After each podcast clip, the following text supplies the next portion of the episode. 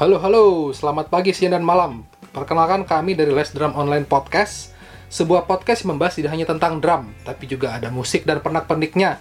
Di sini sudah ada gue Adri dan ada youtuber dari Tech Dung Drum Channel. Yo yo yo kawan drummer, Iya, apa kabar nih semuanya? Ya, Iksan Nugraha. Apa kabar San? Ya alhamdulillah baik ya. Ya meskipun sekarang kan keadaannya lagi bisa dibilang sulit banget ya dan segala bidang yang kena ya gara-gara pandemi ini ya Dri ya. Ya, benar. Ya, jadi banyak banget ya proyeknya tertunda, orang-orang yang terkena dampak, eh, orang-orang juga pekerjaan harian nih sebenarnya sih menurut gue yang parah banget yang kena ya. Dan termasuk musisi loh. Betul. Dan memang ya ir- ironisnya kan gitu, apalagi kan untuk musisi-musisi yang memang aktif sekali manggung, atau eh, tour lah ke mana-mana. Dengan adanya pandemi gini kan jadi ketahan gitu. Ya gue sih berharap semoga cepet beres deh. Ya, Normal mudah-mudahan. kembali semuanya kayak gitu. Iya betul. Mudah-mudahan segera cepat beres eh, karena emang banyak banget sih kayak IO juga banyak yang kena ya. Tapi Oh, kan yo, ya, iya karena kan mereka yang ngadain event. Iya, gitu iya, kan. betul ya. Jadi karena mereka eventnya udah nggak ada, ya otomatis kan para turunannya kena semua itu tuh dari mulai desainernya kena, terus sampai musisinya, talent semua banyak sih yang akan apa kena gara-gara pandemi ini aja sih. Iya itu kali ya. Yang istilahnya apa tuh Dri? Domino effect itu ini kali Iya, maksudnya. iya ya. betul. Wah, keren banget istilahnya domino effect. Yo, sekali sekali lah kan kita lagi zamannya serba edgy kan apa-apanya. Istilah pun kita harus jadi edgy edgy juga lah. Oke, jadi nih ini episode pertama dari kita sebutnya LDO podcast. Wih, keren ya. Jadi kita disingkat, disingkat aja ya, biar LDO maksudnya apa tuh? Les Drum Online. Oh, Les Drum Online Podcast ya gitu mungkin ya. nanti ke depannya kita bisa berubah bukan nanti bukan nggak sekedar les drum online lagi nanti jadi apa gitu kan cuman sekarang belum kepikiran masalahnya Oke, jadi tapi menurut gue sih keren kok LDO Podcast gitu. Hmm. Lagi-lagi edgy edgy, cocok lah untuk uh, anak-anak edgy. LDO gitu kan. ya ya ya Ya udah yuk, lanjut lagi Jadi apa lagi nih? jadi kita nih di episode pertama ini kita mau bahas tentang drummer yang beralih menjadi vokalis atau drummer yang eh, ternyata juga bisa nyanyi. Nah, kenapa bahas ini? Jadi gini, waktu itu kan eh, gue sempat bikin postingan mengenai drummer jadi vokalis di Insta- Instagramnya Les Drum Online. Mm-mm. Uh, waktu itu gue spesifik sih bahas Dave Grohl. Terus ternyata tuh lumayan rame dan ketika gue mencoba riset tentang itu ternyata banyak loh. Uh, kita nggak sadar banyak juga drummer-drummer yang ternyata punya bakat menyanyi nih, gitu.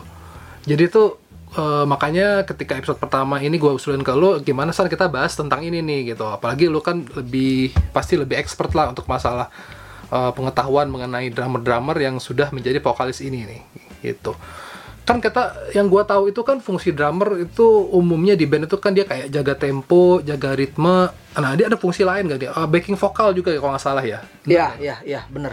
Jadi memang sih kalau kita pandang secara umum aja lah, ya mungkin kalau kita lihat eh, orang-orang yang mungkin tidak mendalami musik atau bukan musisi, ya mungkin bisa dibilang seperti itu tuh, tuh, eh, seperti itu Dri gitu. Jadinya drummer tugasnya adalah menjaga tempo dan eh, istilahnya apa ya? Mungkin kayak ngenakin lagu gitu dengan groove atau rasa yang dimainkan oleh si drummer ini. Kayak-kayak gitu. Tapi kan pada faktanya kenyataan di lapangan ya yang namanya musisi itu sih ya tidak hanya drummer gitu ya pasti punya bakat-bakat yang lainnya yang selain di instrumen mereka gitu. Yang namanya drummer ya pasti banyak juga yang bisa nyanyi yang bisa main gitar bisa main piano sebalik juga gitu. Gitaris juga mungkin banyak banget yang bisa nyanyi yang bisa main piano dan sebagainya kira-kira kayak gitu sih Dri Iya iya benar ya. Ya jadi kan mungkin kita coba bahas pertama Dave Grohl dulu nih. Kemarin kita sempat bahas ya eh, di IG-nya Les Drum Online. Nah kita mungkin eh, coba kita ngobrol tentang Dave Grohl sendiri deh. Kan Dave Grohl kan menurut gua salah satu drummer yang malah dia bener-bener hampir beralih profesi jadi vokalis ya. Meskipun setahu gue dia masih main di Queen of eh, Stone Age juga masih jadi drummer. Terus tapi gue nggak tahu deh itu masih nggak sih bukan waktu itu kayak dia nyumbang single kayak rekaman salah satu lagunya Queen of the Stone Age itu Iya. di ah, gue lupa tuh judul lagunya apa nggak kenal banget sih itu ya. nah dia ngerekam drum dia take drumnya dia tapi gue nggak tahu deh setelah itu apa dia lanjut sama tour bareng Queen of the Stone Age itu atau enggak gue nggak tahu sih Nah ya gue juga nggak terlalu tahu sih kalau soal itu gitu. Cuman kan Uh, gue lumayan ngikutin Foo Fighter sih sebenarnya. Ah, ah. waktu Dave Grohl aktif sebagai kalau pas waktu dia di Nirvana justru gue nggak ngikut-ngikutin amat. Karena kan kayak masih terlalu kecil gue singkat singkat gue ya waktu itu. Hmm, untuk iya, uh, tahu Nirvana gitu. Gue cuma tahu ya ini ada band Nirvana gitu. Tapi gue nggak tahu Kalau Nirvana justru gue belum lahir tuh. Dia dia ngetop. oh gitu ya? Iya, gue belum lahir lah. Gue kan anak muda, gue kan kaum edgy, kaum edgy. Kayak lagi heboh banget deh. Apa banget dianggap edgy, ini edgy. lo, lo kayak lo obsesi jadi kom edgy kayaknya Kenapa? Gak apa-apa sih, gue lucu aja gitu ngeliatnya. Ya udah, ya udah, lanjut lagi, lanjut lagi. Ntar Iya. OOT lagi nih. Iya, Dave Grohl ya. Eh, waktu itu kan dia tuh banyak ya eh, karyanya di Foo Fighter dan kok setahu gue tuh sampai menang Grammy ya di Foo Fighter ya. Kayak udah berkali-kali ya menang Grammy ya. Iya, Foo Fighters. Setahu gue itu udah empat kali kalau gue nggak salah ya. Empat kali menang atau empat kali dinominasi kan gue juga agak agak agak lupa nih. Tapi yang jelas udah menang Grammy ya gitu. Iya, setahu gue udah pernah menang dia untuk best rock gitu. Nah di sini kan dia di jadi vokalis di sini kan. Sebelumnya kan dia eh, jadi drummer kan waktu di Nirvana. Karena kan Iya. Mm-mm. Eh, kemudian kan setahu, gue tuh ternyata awalnya Foo Fighter ini dia tuh sendirian ya ternyata. Yang pernah gue denger sih gini, yang jelas ya, ketika rekaman lagu-lagu Foo Fighter yang awal-awal tuh, Mm-mm. itu memang masih Dave Grohl yang untuk uh, take drumnya, gitarnya, kalau nggak salah bassnya juga sih. Ya makanya sih memang sebenarnya gue sih setuju gitu dengan pandangan orang pada umumnya gitu meskipun Dave Grohl ini seorang eh, yang terkenal banget di band Foo Fighters-nya sebagai gitaris dan vokalisnya gitu tapi tetap sih image drummernya ini memang kalau menurut gue sih nggak nggak akan nggak akan pudar dan malah semakin kuat gitu kan apalagi kan dia ex drummer Nirvana gitu yang Iya. band yang udah legend banget udah legenda banget sih itu sih kalau menurut gue gitu sih Dia legend banget karena tuh dia stikernya tuh ada di mana-mana kan ya. Kalau emang image drumnya dia itu image drummer dia itu susah hilangnya. Ya itu karena bandnya itu yang udah sangat legend banget sih gitu. Nirvana gitu. Ya lo inget inget kan ya Bagong tahu kan lo inget Bagong kan ya dia kan juga apa grunge Bagong. banget lah siapa kan. tuh ke Bagong oh temen lu Iya, maksudnya temen gua itu waktu Ah. itu si Bagong. Ya, kan dia kan ini banget kan, grunge banget lah. Jadi yang gondrong, pakai kaos, eh, kaosnya dia lusuh. khas khasnya ini kemeja flanel Iya, juga tuh flanel gitu. Oh enggak sih, Bagong sih gondrongnya doang. Berarti dia gondrong sama lusuh doang. Kayaknya bukan Berarti dia. Emang jarang mandi aja kali Oh, berarti. iya ya. bukannya anak Alasan grunge alibi doang ya, gue Iya. grunge, gue grunge. Oh, oh. Padahal emang, emang kagak mandi aja. bisa jadi sih kayak gitu kayaknya yuk yuk lanjut lanjut lanjut nih apalagi nih ini masih Dave Grohl apa gimana nih yang kita bahas Nah, berikutnya nih Ini kan eh, berarti tuh mereka sebutannya apa ya? Multi instrumentalis ya kalau seperti itu ya. ya sebenarnya bisa dibilang seperti itu sih multi instrumentalis sebenarnya ya pengertian sederhananya ya seseorang eh, musisi yang ya manusia biasalah yang menguasai lebih dari satu alat musik gitu bisa disebut sebagai multi instrumentalis seperti itu sih Oh, Mm-mm. ya, ya. Be- di luar sendiri kan banyak ya yang seperti itu ya. Kayak oh ini di komen juga ada tuh waktu itu yang jawab The Ref. Oh iya, ini juga eh ya mungkin nih drummer legendaris untuk generasi sekarang sih bisa dibilang gitu ya. Mhm. Ya karena memang Ref kan selain juga skill drumnya mantep, punya kreativitas yang keren banget. Ya kita sih pernah bahas kok mengenai Ref ini di ngulik drummer nanti kalau kawan drummer yang belum nonton nanti bisa cek tuh ngulik drummer episode 3 ya kalau nggak salah Eh, kami membahas mengenai si almarhum Ref ini nah cuma sih kalau kita lagi ngomongin tema utama hari ini ya soal nyanyi betul banget Ref ini juga selain drummer hebat dia juga nyanyi seorang penyanyi juga dan suaranya bagus loh lu kalau pernah denger eh, lagunya Sevenfold yang critical acclaim pernah denger nggak lo Ya. Nah itu mau kalau nggak salah bagian refnya ya itu Drive nyanyi loh. Oh, Suaranya kayak gitu. tinggi dan bisa ngelengking gitu bagus memang suaranya gitu dan tidak hanya critical acclaim gitu maksudnya dia tuh sering juga eh, istilahnya pecah suara ya kayak suara duanya jadi backing vokal juga gitu eh, yang apa istilahnya tuh membantu mempertebal vokal dari Matt Shadows ya atau M Shadows Nah, The Ref ini kan juga cukup legendaris ya. Maksud gua tuh eh, entah apa karena dia meninggal sebelum waktunya sehingga jadi legendaris atau emang ya gimana nih kalau menurut lo tuh gimana tuh? Kalau menurut gue sih The Ref ini memang sebenarnya kan Sevenfold albumnya udah banyak ya. Ya. kalau nggak salah itu ada yang zaman mereka masih indie banget ya masih banyak scream screamnya gitu Hmm. tapi bisa dibilang kayak batu loncatan mereka itu yang bikin mereka mendunia banget itu album yang City of Evil itu loh yang ada Bad Country segala macam itu yang Seize the Day Oh, nah dari ya. situ tuh dari situ tuh kayak di Indonesia itu cukup naik banget namanya se eh, puncaknya sih ya kalau di Indonesia yang gue perhatiin yang bener-bener kayak resmi ini band gede gitu si A7X ini yang album ini loh yang Almost Easy Oh ya almost easy ya. di situ kan juga selain lagunya memang bagus Hmm.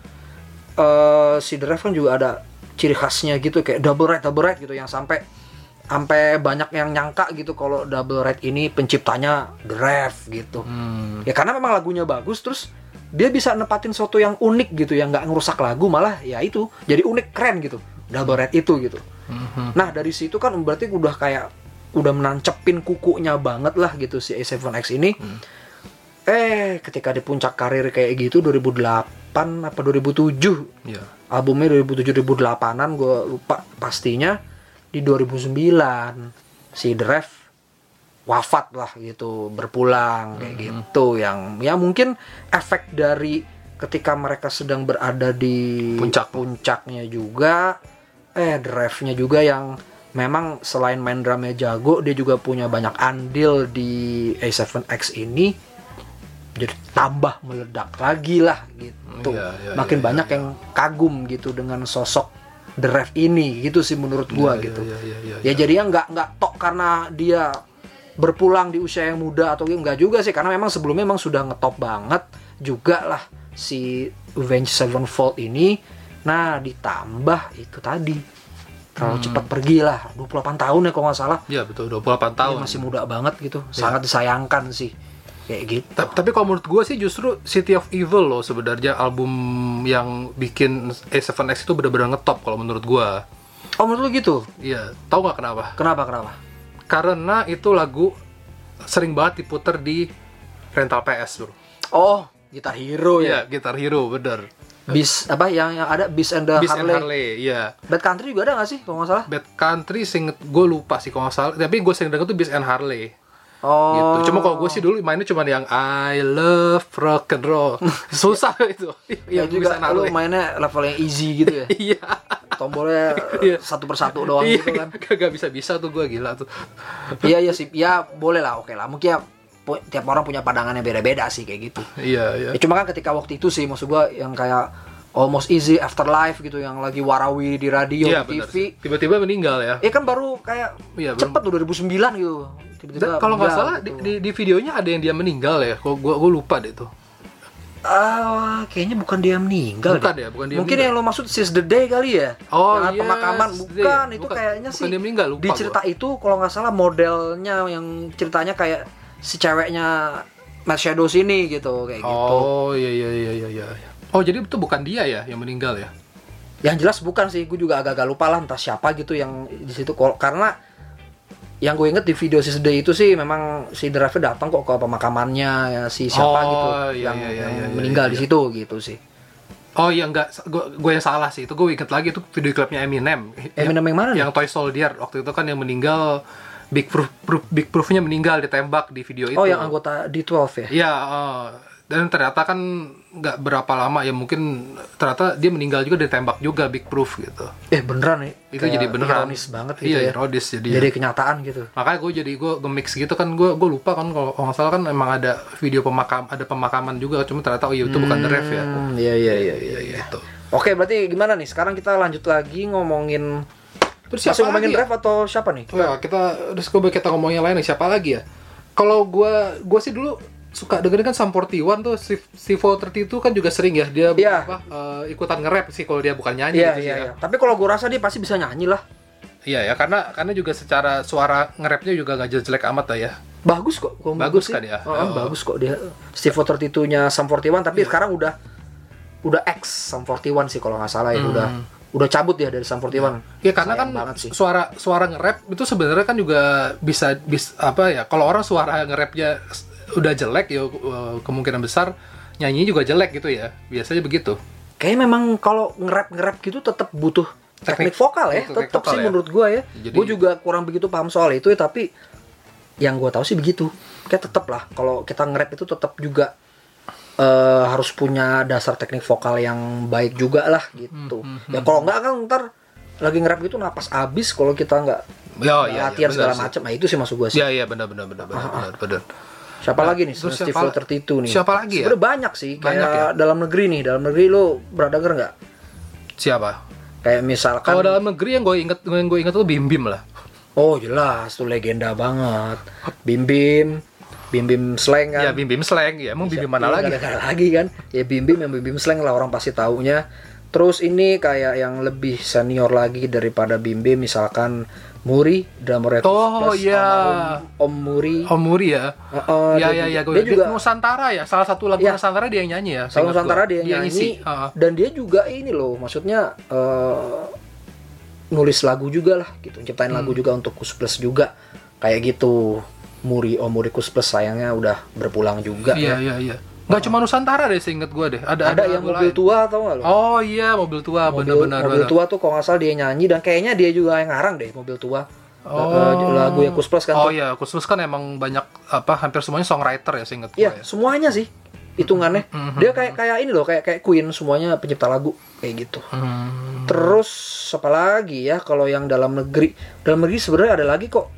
Pasti lu tahu nih SID SID. Wih, Jerings. Superman is Dead. Nah, JRX ya. JRX juga tuh kan pernah Oh, nyanyi ya? Yang iya, apa nyanyi. judul lagunya? Uh, Lady Rose. Itu memang masuk dalam album SID kan ya? Masuk masuk masuk. Black Black Market Love kalau nggak salah. Album Black Market Love kalau gue nggak salah. Nah, itu dia nyanyi kan ya? nyanyi JRX. nyanyi nyanyi full Da- uh, sama main gitar sih gua gua, gua pernah nonton live nya kalau itu Oh, pernah nonton live itu? pernah pernah itu apa uh, kalau pas lagi itu gantian Bobby Coolnya yang main drum di situ Oh, ganti. Ya, kalau di lagu iya, itu iya, iya, khusus iya. lagu itu gitu cuman gua Tapi kan kalau Lady Rose bukannya akustikan gitu di album? akustikan Oh, tapi versi live ada. enggak enggak enggak jadi dia akustikan sampai sampai dekat akhir lagu dia ada ada main drumnya ada masuk oh, masuk iya, iya, drumnya paham, gitu paham, paham, paham. Ngerti gua. kayak inilah kayak My Immortal ya yang Evanescence kan juga gitu ya Iya terakhirnya ada ya. Gua, Terakhirnya gua ada. lupa deh. main Ada masuk. Itu. Yang Oh. terakhir ada. Dan paling yang gue inget ini Coldplay Fix You tau gak lah. nah iya Terakhir kan ada masuk full bandnya lah gitu kan masuk. Iya iya kayak gitu. Oh, gitu. Oh, iya, Oh, iya, iya. Ya biasa itu kan.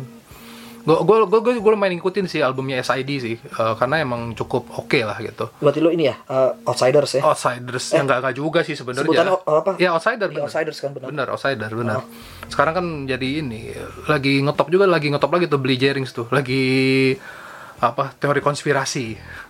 Wah, soal apa Kemarin tuh? nggak ini soal covid ya cuman lu lihat ya lu googling aja lah gitu gua kita gua nggak bahas itu sih Iya, cuma gitu. kemarin dia sempet live tuh sama dokter Tirta seinget gua di Oh, live IG rame loh iya, itu iya. live IG itu kalau nggak salah salah satu live IG teramai loh Oh, yang kemarin itu. iya yang kemarin Sama Dr. Tirta. sama dokter Tirta yang debatin masalah covid dengan konspirasi dan sisi medisnya gitu ya tapi ya begitulah emang kan beli beli Jennings kan emang aktif ya di Dia emang vokal banget sih. selain iya selain musisi kan dia juga aktivis lah Ya aktivis juga dia betul Gitu. betul.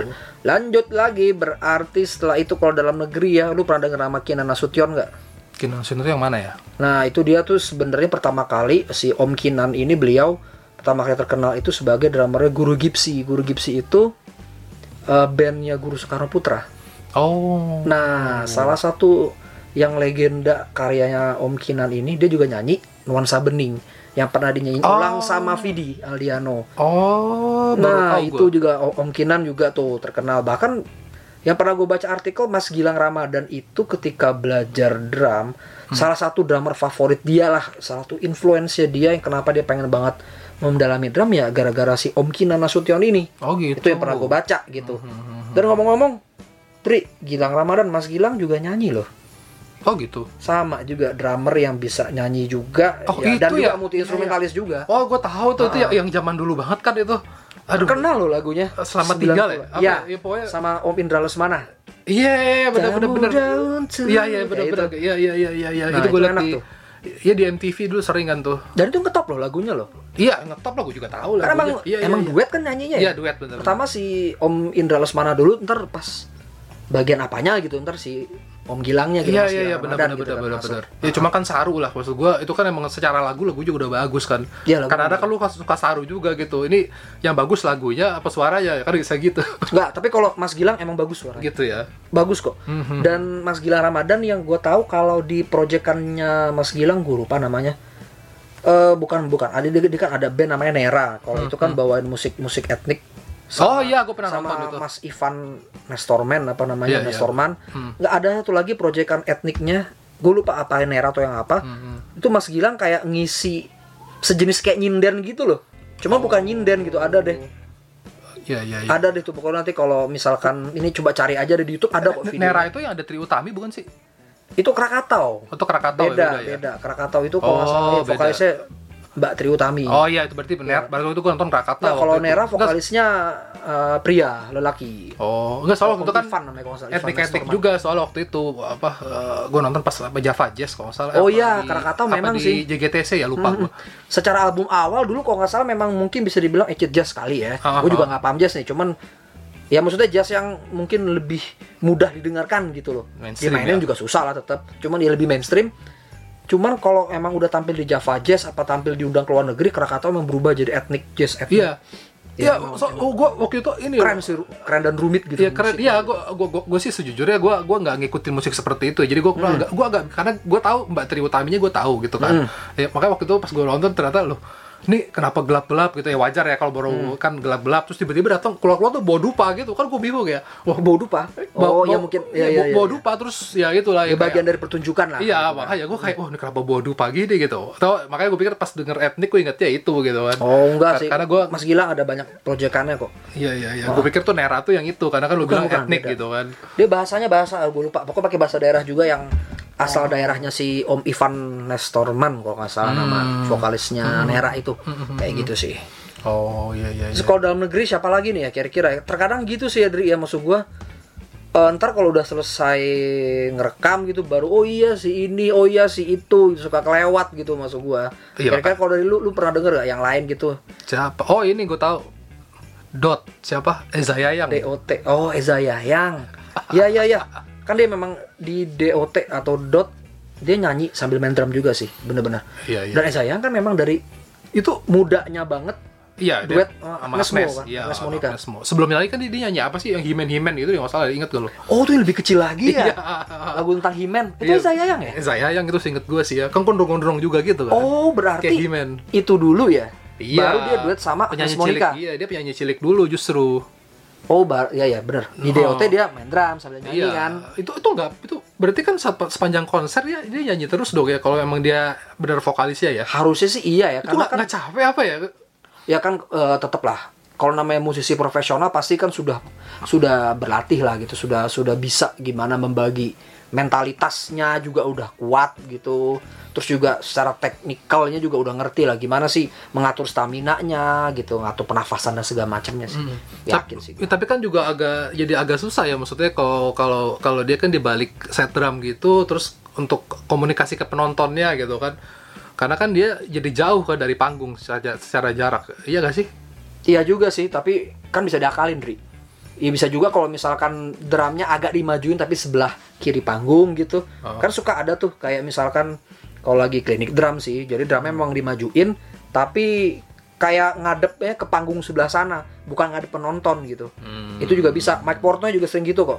Jadi Oh. drumnya dia maju memang deket penonton di sebelah kiri panggung sih atau sebelah Hmm. kanan gitu biasanya dan drumnya posisi bass drumnya nggak ngadep penonton tapi nyamping. Hmm. Nah, itu juga lebih memudahkan untuk eh, komunikasi dengan penonton. Iya iya iya. Bisa, bisa juga kayak gitu sih. Lama gak sih ya? Gue gue lupa deh ini DOT gue juga gak terlalu ngikutin. Cuman 90-an ya. 90-an ya kalau salah ya. Apa Yang- 2000-an ya udah ya?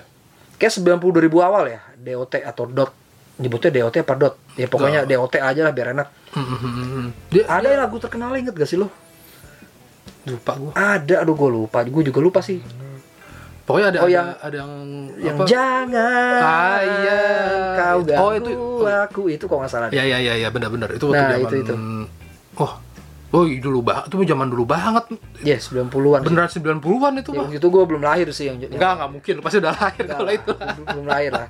Gua tuh anak ini banget lah gua. Lu anak generasi Z ya? Eh, Iya nggak sih generasi Z ya, generasi ZZ gitu ya. Ya mana ada lu Pokoknya gua generasi Z tapi edgy, lu edgy, gue edgy. tapi lu kayaknya tadi fa- fasih banget ngomongin Muri. Enggak lah, itu kan karena Jangan- memang jangan- kebetulan kan ya bokap kan penggemar Kus Plus. Jadi gue emang dengerin Kus Plus gitu loh. Jangan-jangan lu yang ini ya yang gondrong-gondrong di Enggak di lah. konser zaman tahun 70-an deh. Ya enggak lah gila. Celananya ini kan biasanya cut bray ya, biasanya ke Iya, Cut Bray tahun itu kan. Dan, dan Dan kalau salah di penjara ya, kalau seperti penjara juga kan kalau Kus Plus. Kus Plus ya? Iya. Oh iya ya zamannya. Iya, karena kan ke, karena dianggap kebarat-baratan apa gimana Iya, waktu gitu. itu emang ada kebijakan dari pemerintahan waktu itu ya yang nggak boleh kebat-baratan sih ya. Mhm. Iya iya benar benar benar benar. Oke lanjut lagi nih. Siapa lagi nih kira-kira nih yang mau kita bahas lagi nih? Wah, banyak sih sebenarnya. Gue Banyak juga ya? gue sempet riset. Kalau yang dalam negeri dalam negeri dalam negeri gue kita jangan bahas yang luar mulu lah. Oh iya iya iya. Karena menurut gua musisi kita nggak kalah loh, serius loh. oh Maksudnya iya. ya lu jangan bandingin Gua- sama beberapa cabang olahraga yang mungkin kita kurang prestasinya apa gimana ya, tapi Hmm. kalau untuk musisi kita patut berbangga. loh. Oh iya iya iya. Iya Gua- loh, gua- gua- untuk iya apalagi kalau misalkan musisi-musisi yang sudah bisa eh, mencampurkan dengan musik asli Indonesia ya contoh kayak Mas Gilang tadi itu memang Hmm. diakui di dunia gitu di luar negeri gitu. Mhm. Makanya nih, siapa lagi ya? Tadi kita udah bahas almarhum Omuri, ada eh, Mas Bim Bim, ada Mas Gilang, ada Eza Yayang. Oh ini legend juga nih Jelly Tobing. Lu pernah dengar gak? Oh, Om Jelly. Tobing? Hmm. Oh iya. Yang bokapnya Iqmal Tobing. Iya. Nah, gue pernah lihat gue pernah lihat Om Jelly live juga sih. Oh pernah lihat juga? Pernah pernah. Tapi lu yang lihat Yang dia di- main drum apa main drum sih kalau waktu itu. Nah karena dia juga punya side project itu dia nyanyi sambil main bass. Oh, gue gitu. pernah nonton kalau waktu itu di, Iya, di iya, stasiun televisi Om Jelly Tobing juga gitu. hmm. Kalau yang zaman now ya, kalau zaman sekarang mungkin lu pernah denger Ray Prasetya gak sih? Ray. Wah itu lagi hits banget. Lagi hits ya? Jago banget itu. Dari sekarang dia drummernya Agnes Agnes Agnes Monica, Agnes Mo. Hmm, hmm. Nah itu sih bisa lah ya gue sebut vokalis ya karena memang dia juga berangkat dari kompetisi idola cilik inget gak lo? Wah, gue gak nonton Idola Cilik. Tapi lu tahu idola cilik kan? Tahu. Nah itu kan dulu ya di RCTI ya kalau nggak salah Hmm. Ray Prasetya ini jebolan dari situ. Oh, gitu. Justru dia nyanyi. Hmm, hmm, hmm. Tapi ternyata setelah gue nonton berbagai macam video YouTube lah yang ada Ray-nya, eh, si Ray ini bilang justru memang ya memang dia nyanyi di Idola Cilik, Hmm. tapi sebelum jauh sebelum dia nyanyi itu memang dia emang dari kecil belajar main drum gitu, ngedrum memang. Oh gitu. Tapi memang suka nyanyi juga gitu. Jadi orang-orang awal-awal dulu gitu zaman Idola Cilik taunya Ray itu ya penyanyi, penyanyi cilik gitu. Tapi enggak, gila, gokil banget sih drumming skillnya itu dari si Ray ini. Kayak gitu sih. Nah, ini berarti ini kira-kira siapa lagi nih ya eh, drummer-drummer yang memang Banyak sih. Eh gua yang yang nyanyi kita belum gitu, sebut tuh yang bagus. kita belum sebut tuh ada eh, Om Phil Collins kita belum sebut kan. Oh iya ya. Itu Berdosa kita. Iya. Iya, Phil Collins bener-bener. Dia kan juga apa namanya drummer Genesis juga ya. Iya, yang Genesis. Ah, terus juga solo karirnya juga apa namanya eh, sukses berat juga kan dia Iya, tulis lagu berat. juga. Oh, dan lagu-lagunya kan everlasting gitu loh, sampai sekarang Iya, masih terus eh, di Didengarkan, di cover, kan? Di juga, cover terus gitu ya. kan. Iya sih, tapi memang enak ya Genesisnya waktu itu kan. Sebenarnya kan Genesis siapa sih vokalisnya Peter Gabriel? Peter ya? Gabriel ya. Ya Peter Gabriel waktu itu kan sudah cukup ikonik lah ya, maksudnya udah Hmm, hmm, hmm. terkenal lah gitu. Frontman kan namanya vokalis pasti Iya, frontman iya. kan. Iya. Tapi dengan cabutnya Peter tidak membuat Genesis kayak limbung apa berantakan gitu ya sebenarnya ya. Hmm. Berarti memang bisa dibilang apa ya? Hoki kali, nggak hoki juga sih ya. Iya. Maksudnya dengan adanya Om Phil Collins gitu di Genesis gitu maksud gua. Iya, ini ini kalau di bola kayak Gareth Bale kali, San. Da- Oh. Dari dari back kiri berubah jadi striker. Oh iya ya kayak kalau di bola Gareth Gareth Bale, oh iya dia back kiri awalnya ya. Back kiri terus jadi winger winger attacking gitu kan. Pokoknya jadi ya sektor depan lah gitu ya. Iya iya. Atau kalau di komik itu kalau lu baca offside tuh dulu ini Goro jadi dari kiper jadi striker lah itu tuh. Oh, komik offside ya. Aduh, kayaknya jadul banget. Gue sih nggak tahu kalau jadul-jadul gitu ya. Wah, Gua masa kayak, tahu kayak, lu? kayak belum lahir sih gue. Wah, mungkin lah. enggak, enggak, beneran. Gue nggak tahu. Gue taunya itu Naruto. Nah, tuh gue tahu tuh Naruto. Tuh gue tahu. Oke, lu taunya serial cantik ya kalau lu. ya. apa? eh, apa tuh? Ma- Marichan, Marichan, Marichan. Kan lu tuh tahu. eh, Miss Modern tau gak lo? tahu lah tuh itu bagus tahu itu Wah, tahu juga lo gawat nih. Oke, lanjut lanjut Phil Collins kan tadi jelas tuh legenda banget dan memang uh, terkenal sebagai drummer dan vokalis juga ya. Tapi ini loh uniknya ya. Gue pernah nonton video YouTube-nya yang Phil Collins. Si Om Phil Collins bilang loh, ya dia bilang gua adalah drummer yang bisa bernyanyi, bukan penyanyi yang bisa main drum. Hmm. dia tuh emang bangga banget jadi drummer. Itu sih mungkin untuk kawan-kawan drummer nih yang mungkin masih merasa ah drummer terlalu di belakang banget deh. Kalau lagi manggung kayaknya nggak keren gitu nggak sekeren gitaris apa vokalis gitu. Nah Phil Collins loh sebesar Phil Collins dia bangga banget jadi drummer kayak gitu sih Dri. Hmm, kemudian selain Phil Collins siapa lagi ya? Kalau yang terkenal dengan suaranya yang bagus-bagus lo tahu nggak? Dri gue belum kepikiran lagi nih kira-kira nih. Siapa lagi ya? tadi kita udah bahas siapa? Steve Aoki ada sih gue ini eh Karen Carpenter. Oh The Carpenters Iya tahu lo. Close to you close to katanya. you close to you Iya, kata lu tahu lu. Kata-katanya ide edgy edgy. Enggak, itu kan maksud gue gue sebagai orang yang edgy, edgy banget, edgy bingits, ya harus nggak nggak ada salahnya dong gue tahu yang legenda-legenda gitu. Gue belajar dari orang tua kayak lu gitu kan. Apa sih band-band yang ngetop dulu gitu kan?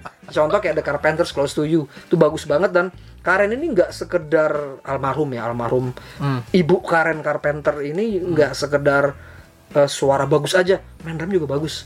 Oh gitu. Kawan drummer bisa cek deh nanti solo solo drumnya drum solonya Mhm. si ibu Karen ini almarhum ya sayang banget anoreksia di hari meninggalnya yang gue baca sih Oh gitu. Mm-mm, sangat disayangkan kalau nggak salah meninggalnya juga nggak terlalu kayak meninggal muda juga deh Oh. Iya iya iya iya. sama ini kalau ngomongin cewek ya selain Karen Carpenter Sheila E nah Sheila itu mm, E ini sih dia emang drummer Latin gitulah Oh Latin. dia emang drummer dan perkasionis sih. Memang dia lebih terkenal sebagai perkasionis. Cuman waktu di Java Jazz pas manggung Java Jazz ya Indonesia lah ya pas manggung ke Indonesia di Java Jazz itu Shilai juga main drum kok. Dia main drum sambil kayak nyanyi gitu. Hmm.